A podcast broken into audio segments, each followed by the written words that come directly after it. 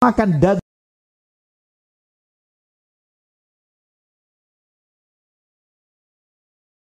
Mereka-mereka yang menjadikan lauk makanannya lauk makanan ketika mereka berbicara dengan sesamanya adalah membicarakan aib teman aib saudaranya. Mereka senang dan mereka tidak akan senang kalau pembicaraan itu hambar katanya kalau tidak ada gunjingan.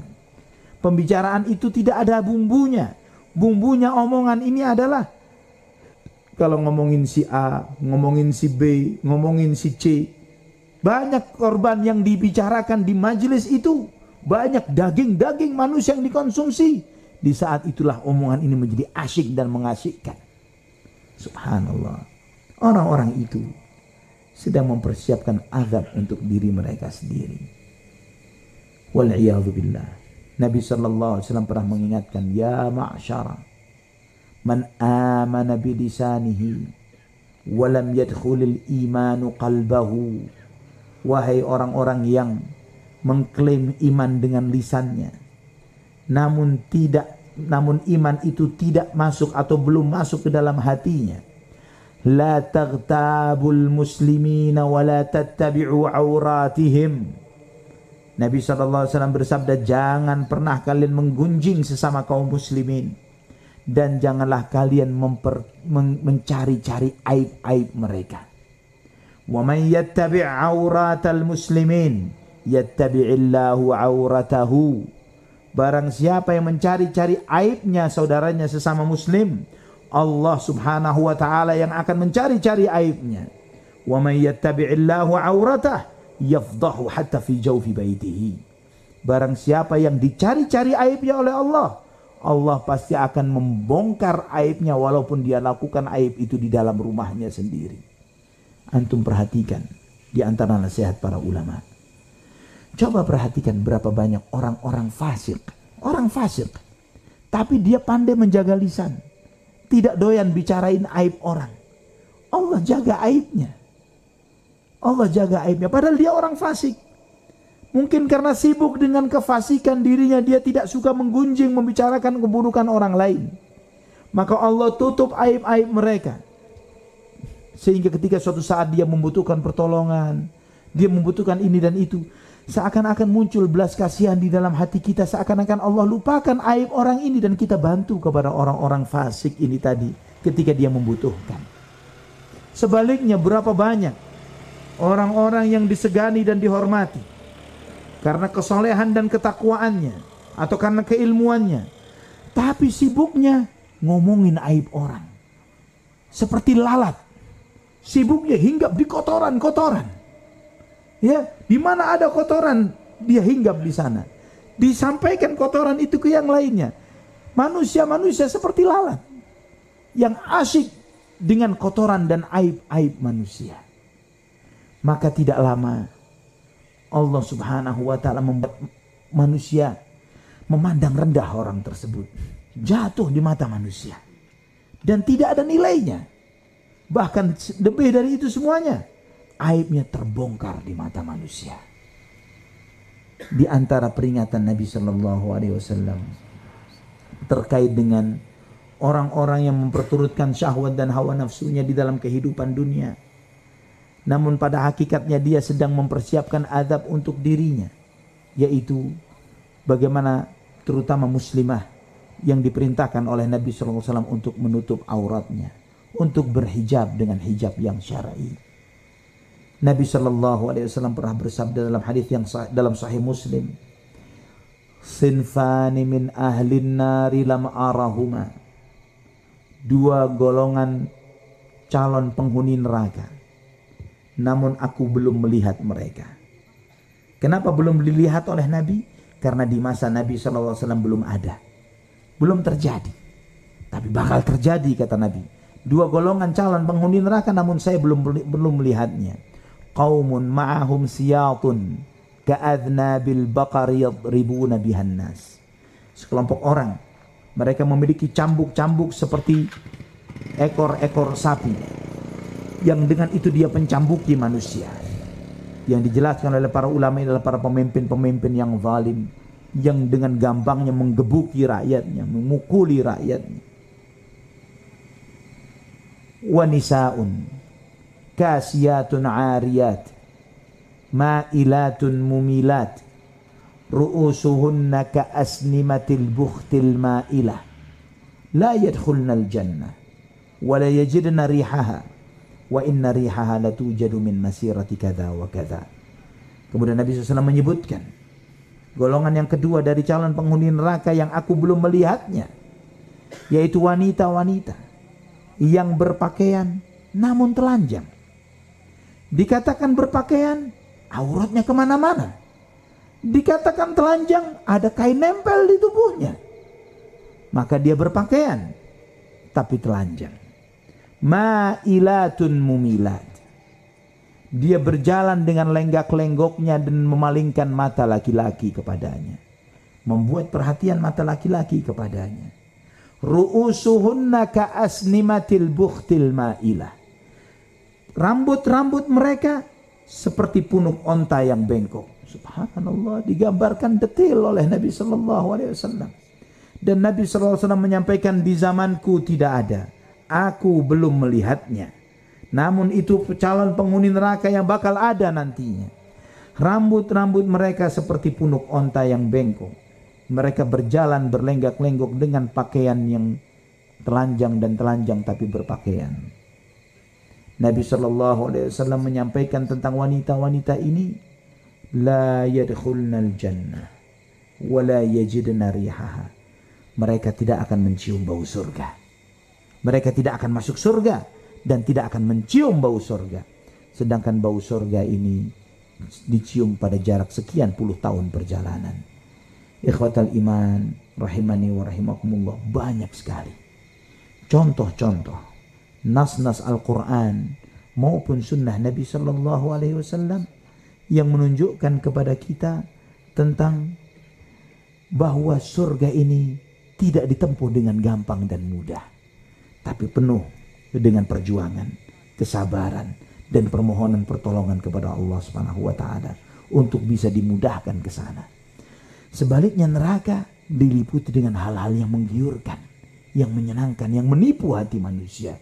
Namun ujung-ujungnya adalah adab Allah Subhanahu wa taala yang secara umum disebutkan oleh Allah Subhanahu wa taala di dalam firman-Nya di dalam surat Al-Ahqaf ayat 20. Allah berfirman, "Wa yawma yu'radu alladhina kafaru 'alan nar" ويوم يعرض الذين كفروا على النار أذهبتم طيباتكم في حياتكم الدنيا واستمتعتم بها.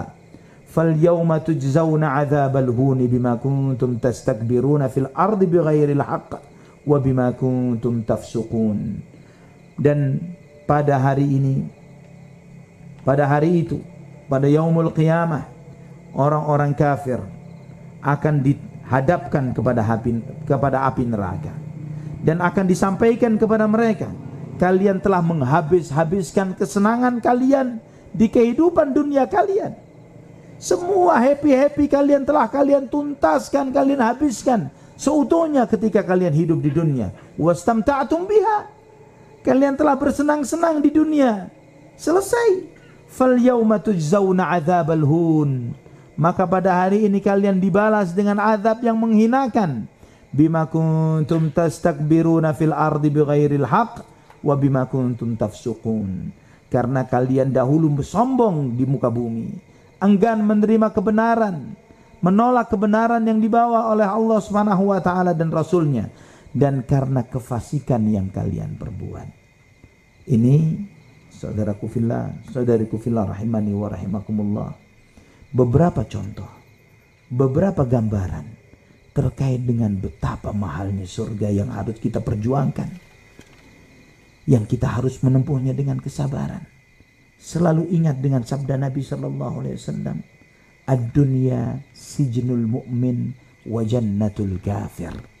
Dunia ini penjara bagi orang beriman, surga bagi orang kafir. Bagaimana kehidupan di penjara? Apakah semau-maunya? Di penjara? Apakah sebebas-bebasnya? Namanya di penjara tidak bebas. Tidak bisa semau-maunya. Ada aturannya banyak tidak bolehnya daripada bolehnya. Jangan sampai mengatakan dirinya muslim Tapi lifestyle-nya seperti orang di dalam surga ketika di dunia. Semuanya serba boleh. Semuanya boleh-boleh saja. Seperti di surga. Semuanya dinikmati halal haram disikat. Ini bukan seperti seorang muslim. Ad-dunya sijnul mu'min wa jannatul kafir.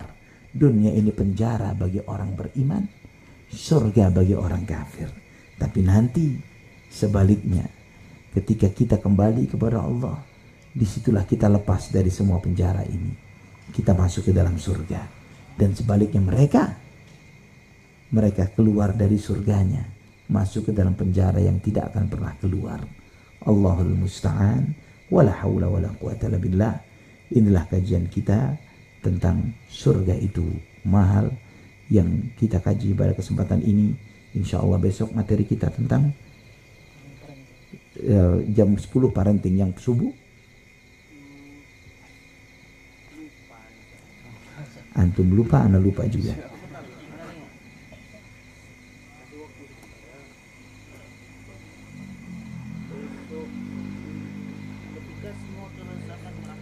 Kita akan membahas ketika semua kelezatan berakhir. Ya, kita akan membahas tentang apa yang menyebabkan berakhirnya semua kelezatan yang kita jalani di kehidupan dunia ini. Dan kita mencoba tafakur untuk meningkatkan iman kita, untuk membuat kita semakin bisa istiqamah di dalam menjalani kehidupan ini di atas jalannya Allah Subhanahu wa taala. Semoga apa yang kita pelajari memberi manfaat bagi kita semuanya.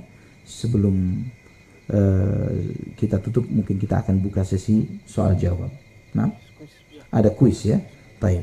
Baik, sebelumnya Anda izinkan untuk menutup uh, live IG yang saya livekan sekarang. Allah barik fikum. Nah, Alhamdulillah, jazakumullah khairan katsiran Ustaz. Barakallahu ya wa fillah rahimani wa rahimakumullah. Jazakumullah khairan. Surga itu mahal penuh dengan pengorbanan dan hendaknya kita selalu mengekang syahwat serta subhat kita. Al jannatu lil mu'minin insyaallah ad-dunya sijnul mu'min wa jannatul kafir. Barakallahu fikum. Fikum barakallah. Dari ana soalnya? Nah, sebentar ya. Atau pertanyaan dulu lah dari jamaah bukan? Barangkali sebelum kuis barangkali ikhwan dan akhwat ada pertanyaan bisa menuliskan di secercah kertas atau langsung mengacungkan tangan. Tafadhol.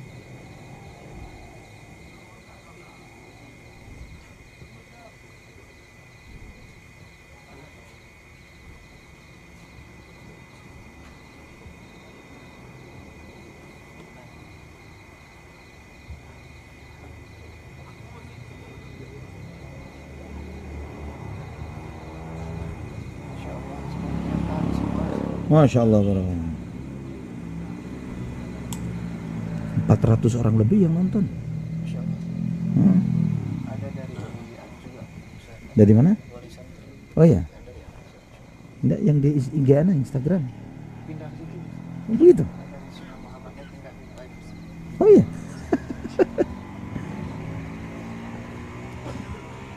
Nah, tidak ada pertanyaan? Ana yang bertanya kalau begitu kuis berhadiah. Hadiahnya apa? Hmm. Masya Allah, Alhamdulillah.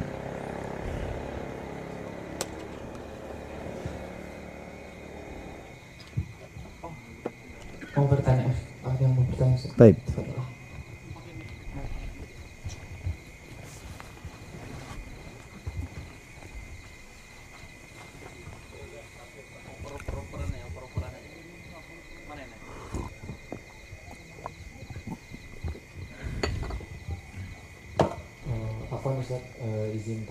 Nah. Kalau uh, batasan dayus itu uh, gimana Ustaz? Apakah batasan apa?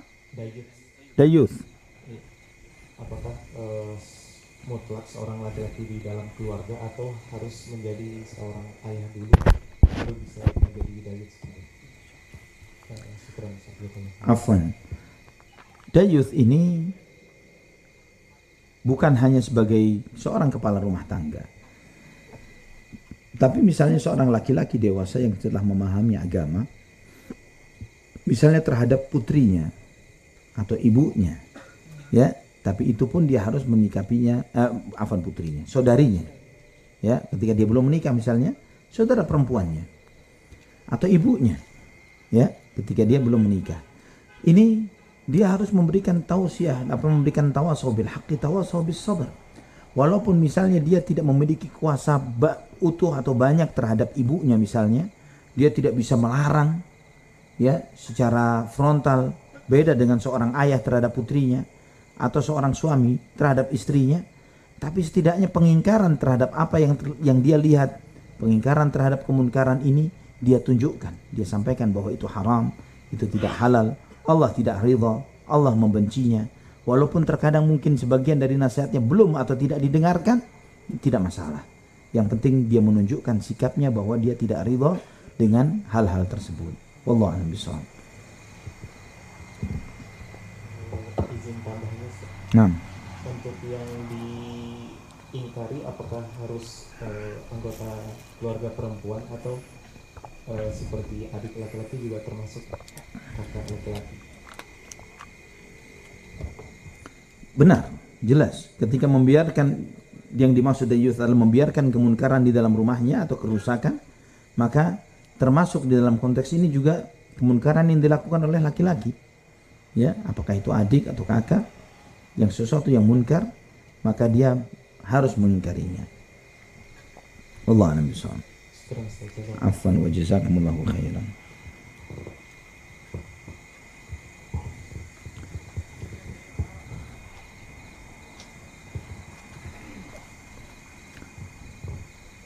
Antum yang menunjuk si penjawab ya. Baik, pertanyaan kuis buat ikhwan atau akhwat? Ikhwan akhwat ya akhwat enggak bisa. Ya buat ikhwan ya. Uh, yang pertama, Anda tadi menyebutkan suatu amalan yang Nabi Shallallahu Alaihi Wasallam memberikan pahalanya itu seperti menjaga di pos-pos jihad di jalan Allah Subhanahu Wa Taala. Amalan apa itu? Insya Allah, silakan. Barakallahu fi. Menunggu sholat setelah waktu sholat. Barakallahu fi. Hadiahnya apa? Satu, dua, tiga, tujuh. Masya Allah.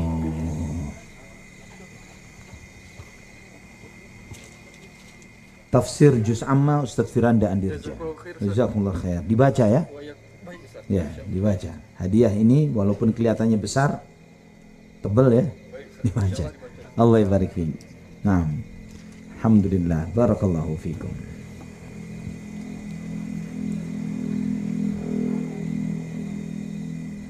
Pertanyaan kedua. Sebutkan ini tidak ada di materi yang Anda sampaikan. Tiga kematian yang dianggap mati syahid selain mati di, di perang tiga kematian yang dianggap mati syahid selain di medan perang, mati di medan perang. Jangan yang depan-depan terus yang ditunjuk ya. Acak, tengah, kanan, kiri, atas, bawah. Enam. Enam. Ibu yang melahirkan. Barakallahu fi. Ayo, Masya Allah, Alhamdulillah. Silahkan ambil hadiahnya di sini.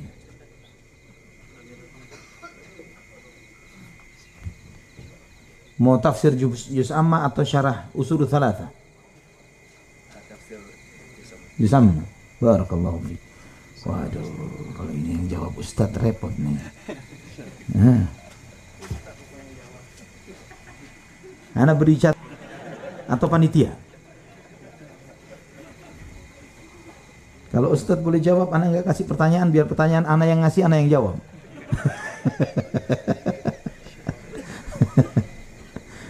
nah. Pertanyaan berikutnya juga tidak ada di materi. Sebutkan dua rukun ihsan. Enam. Silakan. Kalau yang berdiri, berdiri aja.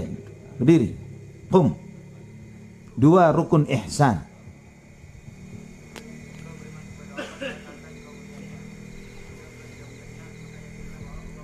Allah ibarik fik ta'al. Fadal. Insyaallah. Itu apa yang ditutup? Syarah usul thalatha. Barakallahu fiik. Afwan. Wahada mada? Apa di dalam? Hah? Pada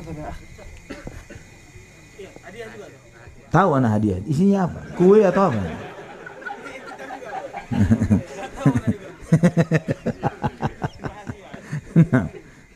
bukan kue isinya bukan? Tidak basi ini. Iya. Pertanyaan berikutnya. Tadi adalah penggalan dari sebuah hadis. Yang hadis ini dikenal oleh para ulama dengan sebutan hadis Jibril. Benar ya? Hadis Jibril. Yang di dalam hadis itu ditanyakan tentang Islam, iman, dan ihsan. Kemudian yang terakhir ditanyakan tentang kapan kiamat dan Nabi SAW menjawab bahwa yang ditanya tidak lebih tahu daripada yang menanya. Dan setelah itu beliau SAW menyampaikan tentang dua ciri hari kiamat. Sebutkan dua ciri itu. Allah. Kenapa kanan terus? Kiri nggak ada. Kiri ana. Yang semuanya di kanan Ustaz. Atau yang sebelah kiri semuanya Ustaz jadi tidak berani angkat tangan. Fadal, siapa? Ah, silakan, silakan.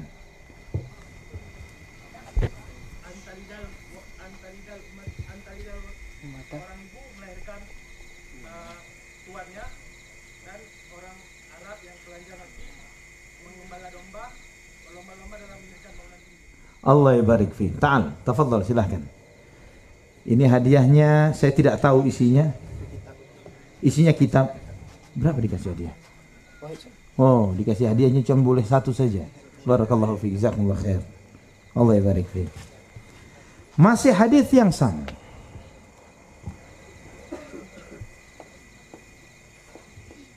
Siapa nama sahabat yang meriwayatkan hadis ini?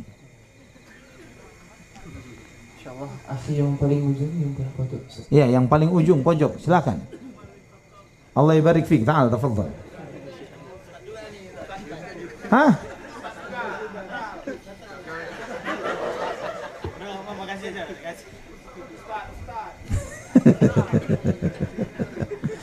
Banyak protes di belakang nih.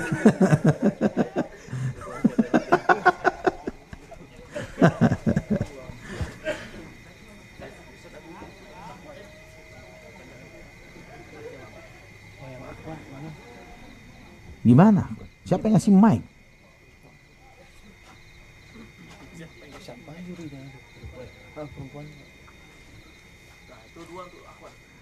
Ada dua hadiah untuk akhwan. Tapi bagaimana untuk menyerahkan? Oh silahkan. Nah. Ada panitia yang memegang mic ini menyerahkan kepada akhwat yang angkat tangan.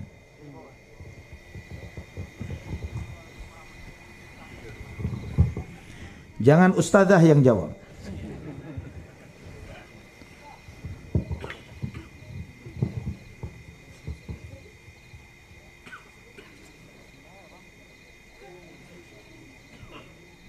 Al-Fatihah itu dikenal dengan sebutan Ummul Kitab. Induknya Al-Quran. Yang Anda tanyakan adalah manakah hadis manakah yang disebut sebagai Ummus Sunnah? Kalau Al-Fatihah sebagai Ummul Kitab, induknya Al-Quran, ada satu hadis Nabi Shallallahu Alaihi Wasallam yang disebut sebagai ummus sunnah, induknya semua hadis, induknya semua sunnah. Hadis manakah itu? Ada akhwat yang bisa jawab?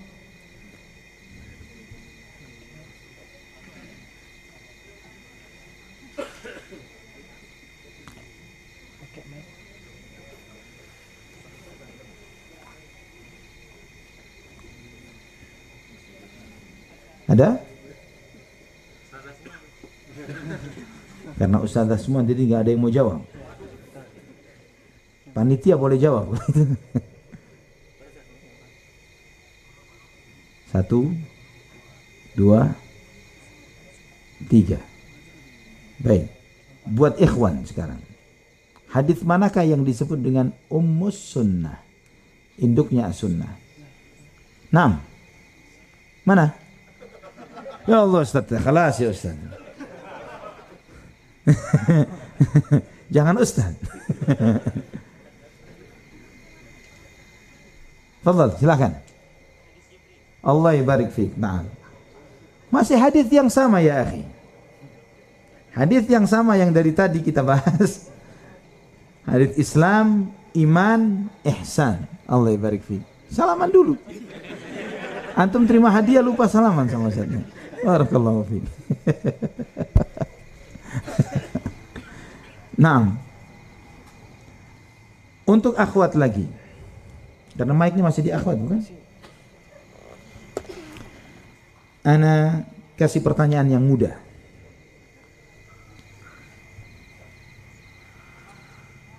Siapa nama putri Nabi Shallallahu Alaihi Wasallam yang suaminya menjadi tawanan di perang Badar?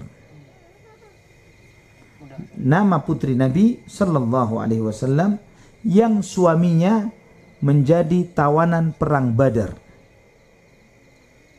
ditawan oleh Rasulullah sallallahu alaihi wasallam. Silahkan pakai mic jawabnya. Tinggal satu hadiah.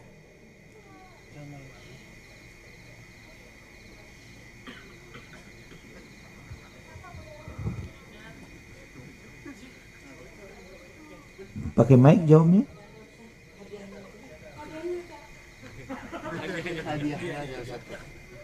Maksudnya gimana? Hadiah faqat. Maunya hadiah nggak pakai jawab pertanyaan. Aji. Memang wanita begitu.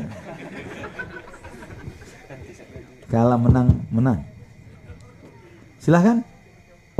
Siapa yang menjawab? Akhwat, akhwat, akhwat. Lah masih akhwat, masih akhwat. Yang merasa akhwat angkat tangan. Ummu Kulsum. Yang lain, siapa yang bisa menjawab? Zainab. Allah barik fi. Ini jawaban yang benar. Zainab binti Rasulullah sallallahu alaihi wasallam. Hadiah nanti diantarkan ke belakang oleh panitia.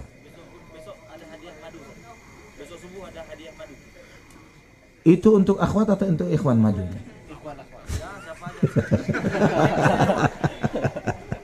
Nah, baik.